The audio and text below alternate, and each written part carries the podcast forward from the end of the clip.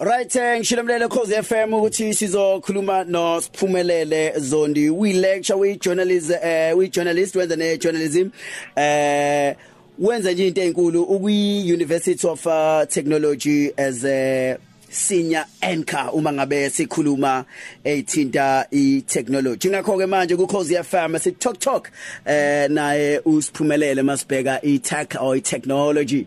Siphumelele Zondi asimamukele ku Khosi FM Kunjani mfethu? igrand uthama ugrand wena hayi ngiyaphila ngiyaphila mfethu umongameli eh noma ngithi ophumayo emva kokuthi ehlulekile ukuthi angene kwihlande lakhe lesibili uDonald Trump eh sekubuka sengathi ulokho evele njalo kwi social media.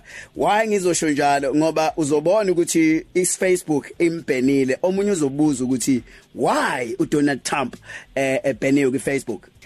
Uma uzocabanga le ndaba ya Donald Trump ukuthi ayiqali manje um ungathi umdlalo kade bewudlala nama social network ngoba uh, unokusho izinto angithi uyakhumbula ukuthi ngesikhathi engaluwinanga ukhetho nyakenye ukuthi uye wakhala wathi hayi ayikho lento eyenzekile wakhala futhi kusabalwa amavoto ngazuthi wayebona ukuthi angeke azaluwina ukhetho. Kusabalwa amavoto nje wathi uzoye inkantolo wagcina engayanga ke kulezo inkantolo ayithi uzoya kuzona.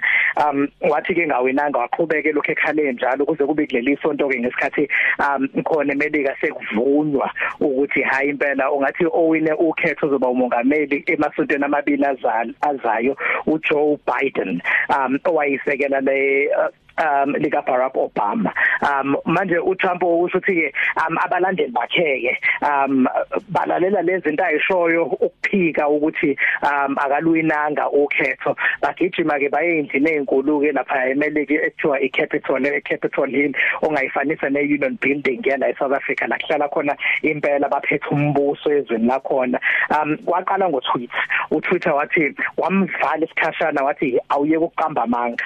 Um ngoba lento oyenza izokwenza ukuthi abantu bavukele umbuso. Um seku njengoba usho ukuthi seku Facebook ke manje. Facebook uthe uyamisa nje uyamvala ase ehle esikhundleni sokuba umongameli emasonto emasonto amabili azayo futhi umvumelile wona. Uqale wamvala izolo bamvumela ukuthi hayi usengabuya ku Twitter kodwa manje eh wena siphumelele iyadida lento ngoba mawubheka last year bekulokunalo mdonsiswano nje ukuthi siyambona uyavela siyambona usevaliwe siyambona bathi into ayibhalayo ayilona iqiniso. Lokho nolokho yini ongayisho? Why uzothi omunye why uDonald Trump akathembekile? Ekakhulukazi njengomuntu ophumayo oholayo izwe lase United States of America. Wayaziwa ngisho engakabi umongameli wakhona ngoba phela uzokwazi uzokhumbula ukuthi uDonald Trump wayengekho kwipolitiki. Um waye usoma business nje onemali khona eMelika ukuthi wayebhalela kucabangayo esikhathi esiningi elwa nomongameli wayekhona ngaleso sikhathi. Um uBarack Obama ubuye eqenjini lama Democrats ngoba siyamazi uDonald Trump ukuthi yena wangena ngethikithi lama Republican um ukuthi ukusho ukuthi babecabanga ukuthi mhlawumbe kuzothi ukudamba ukwehla lokho ngesikhathi sengenile esikhundleni sokuba umongameli.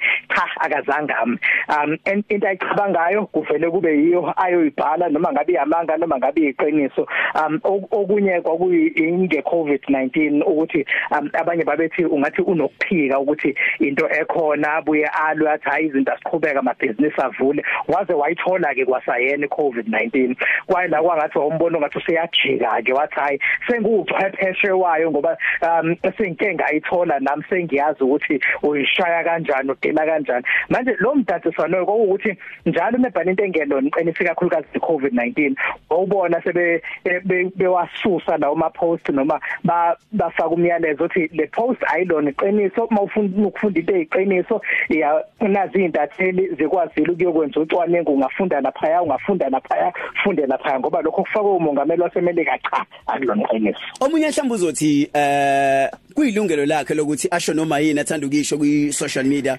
Ayikhoni eUSA i-freedom of speech. Um angithi ngesilungu khona lokho abaye bathi rights have responsibilities?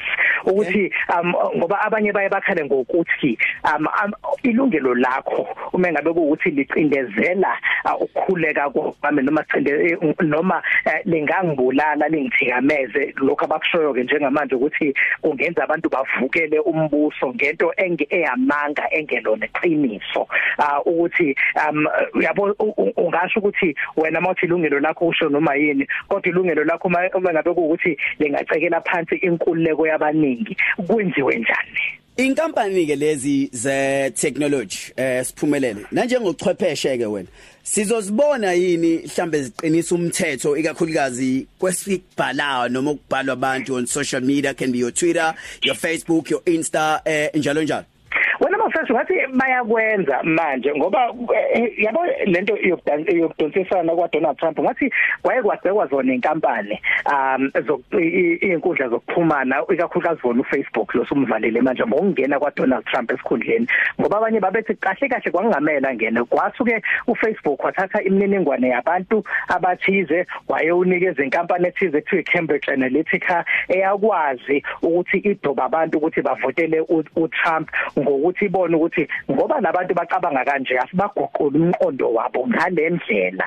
Um ngoba kuthiwa mawubona ama adverts umqondo yakwazi ukuguquka ngithi. Makwenzeka into ezithile ukucabanga kwakho ubone ukuthi kuguquka kuthiwa wakusetshenziswa zona izinkundla zokuxhumana. Ngakho ke zathola ukubhekwa kakhulu sabona uma Zuckerberg um omsunguli wa Facebook elandwa osopolitiki basemelika bemdonsela khona eParliament la khona. Bethi indoda awuzochaza ukuthi um nizoqinisa kanjani ukuthi uh, imininingwane yabantu nezinto ezikhona ku Facebook ziyiqiniso nabathi basho ukuthi hayi seso sesobhekisisa impela ukuthi uma ngabe kungathi kuyamanga benze lokho abakwenzile ku Trump isikhathi esiningi unyaka odlula ukuthi babhala ukuthi hayi beyazi ngathi khona okungelona iqiniso lama ufuna ukuthola iqiniso um egabanzi ngalolu daba awuke uye lapha yabakufakela ilinki ungacindezela kuyona ikusekwelinye ikhasi ongafunda kulona into eyiqiniso. Ukusho ukuthi bayaveza ukuthi impela ungathi bayalwa nalokhu setshenziswa kweinkundla zokuxhumana ukuthi abantu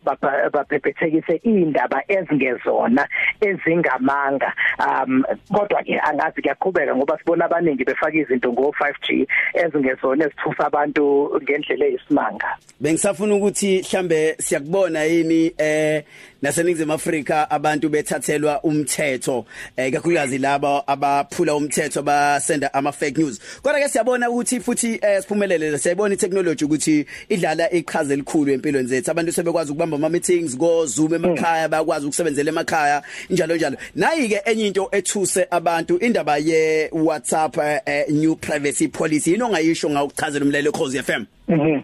Um into eyenzekile ke la ngoba besazi ukuthi uWhatsApp lo kuthiwa abantu bangaxhumana ngawo bathumelane imiyalezo sesiyazi ukuthi ekhona uWhatsApp video call nama conference ongawabamba nabantu um abayishaka abayishaka lo mbili thola ukuthi nomhlangano khona la WhatsApp um ngoba bekwazi ukuthi uWhatsApp unalento ekuthiwa i-encryption ukuthi into eniyixoxa khona nemiyalezo enithumelana yona nezithombe enithumelana zona umuntu wesithathu akakwazi ukuyithola leyo mniningwane. Lokho kuphakathi kwenu nje nobabili noma nenze igroup nabo.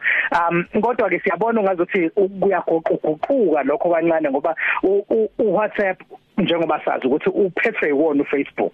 Uh, uFacebook ophinde uphathe uInstagram.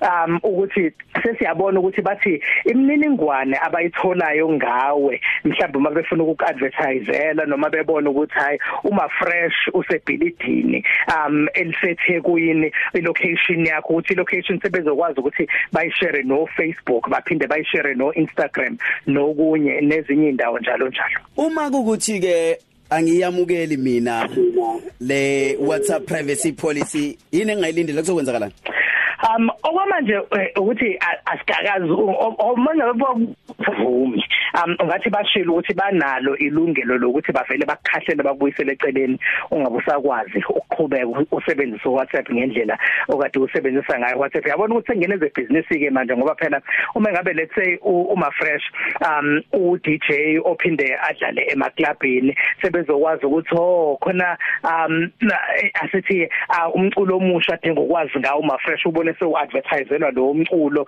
mhlambe ku Facebook uzibuza ukuthi ngoba ngixoxanga nje ngawo ku Facebook ngixoxa ngawo ku ku WhatsApp nje nabangani bami nje kuphela um izinto ezinjalo kungayithola sezenzeka. Bathi mawungavumi ke bangakukhahlela nje ukuthi ungasakwazi ukusebenzisa WhatsApp kanti siyazi ukuthi igidigidi zabantu umhlaba wonke usebenzisa WhatsApp ngoba phela siyesikhale sithi i-airtime seyabiza asawa asawathumele nama SMS sesithumana ngale idatha leli elithanda ukuthi lishipa shipe kune airtime so kuyacaca ukuthi eh asibe sisondela kakhulu kungaqala kwi technology ngoba ekugcineni vele eh siphila ngayo ne? Asiphila ngayo iguqula impilo zethu um ikakhulukazi nesesigcile kakhulu kuyona empilweni endleleni esiphila ngayo impilo impilo zethu kulezi kulamalanga. Okay ngoba sesema siphethelweni ngaphambi usinikezele imininingwane yakho ngicela nje eh umyalezo ongawuthumela kumuntu osaqhubeka nokubhala ama fake news eh kwi timeline yakhe ukuthi mhlambe eh kunomthelela ongakanani empilweni zabantu kubaholi njalo njalo kubantu baseningizimu Afrika? Mm, kuyicala lona elithi ngendlela eyisimangaliso ungaboshwa nokuboshwa ngokubhala izinto ezingezona. Um ngoba sike sabona nje kakhulukazi nje ngike ngakhuluma kancane ngo 5G bake basho nabe indaba ukuthi ungathi khona ngisho nekhansela thizeni laseThekwini ebelisha izinto ezingezona zona ngo 5G uh, the record ama voice note athe ukubhebhetheka lapha einkundleni zokuxhumana. Ukuthi kungaba yicala nje elibi ngendlela esimangaliso ngoba yonke into oyibhalayo lapha einkundleni zokuxhumana kumele kube khona la uyithole khona abantu asebethe ukuyiphenya. Um ungayisho nje ungathi iyiqiniso ngoba kuyafana nokuthi um uyabo uphumela emphakathini wayotshela abantu amanga. Amanga angagcina seba nomthelela omubi emphakathini na nasezimpilweni zabo. Usiphumelele zonke esikhuluma nayo ku1223 Cafe yoCozy FM e Tech Talk. Abantu ufuna ukukhuluma nawe bakulandele bayiqhume lezi ndaba bathola ulwazi oluthethe uthu kwezi technology benza kanjani? Mm ngikhona ke inkundleni zokuxhumana ungangithola ku Twitter kuba US Zondi ku Twitter ku Instagram US Zondi underscore kanti ke likhona nohlelo lwamabona kude ludlala ku SABC News Channel DStv 44 njalo ngamasonto maligamanqa ihora lesishakalombili ebusuku sikhuluma zona zokuchwepheshe. Siphumelele eh sibanga kakhulu kuwe sihlangane futhi ngesikhathi esifana. Mangiphinde ngamenywa la ekhaya ku 1223 Cafe Khosi FM Alright ngiyabonga. 1223 Cafe. Namhlanje asifani nezolo Okusha kodwa.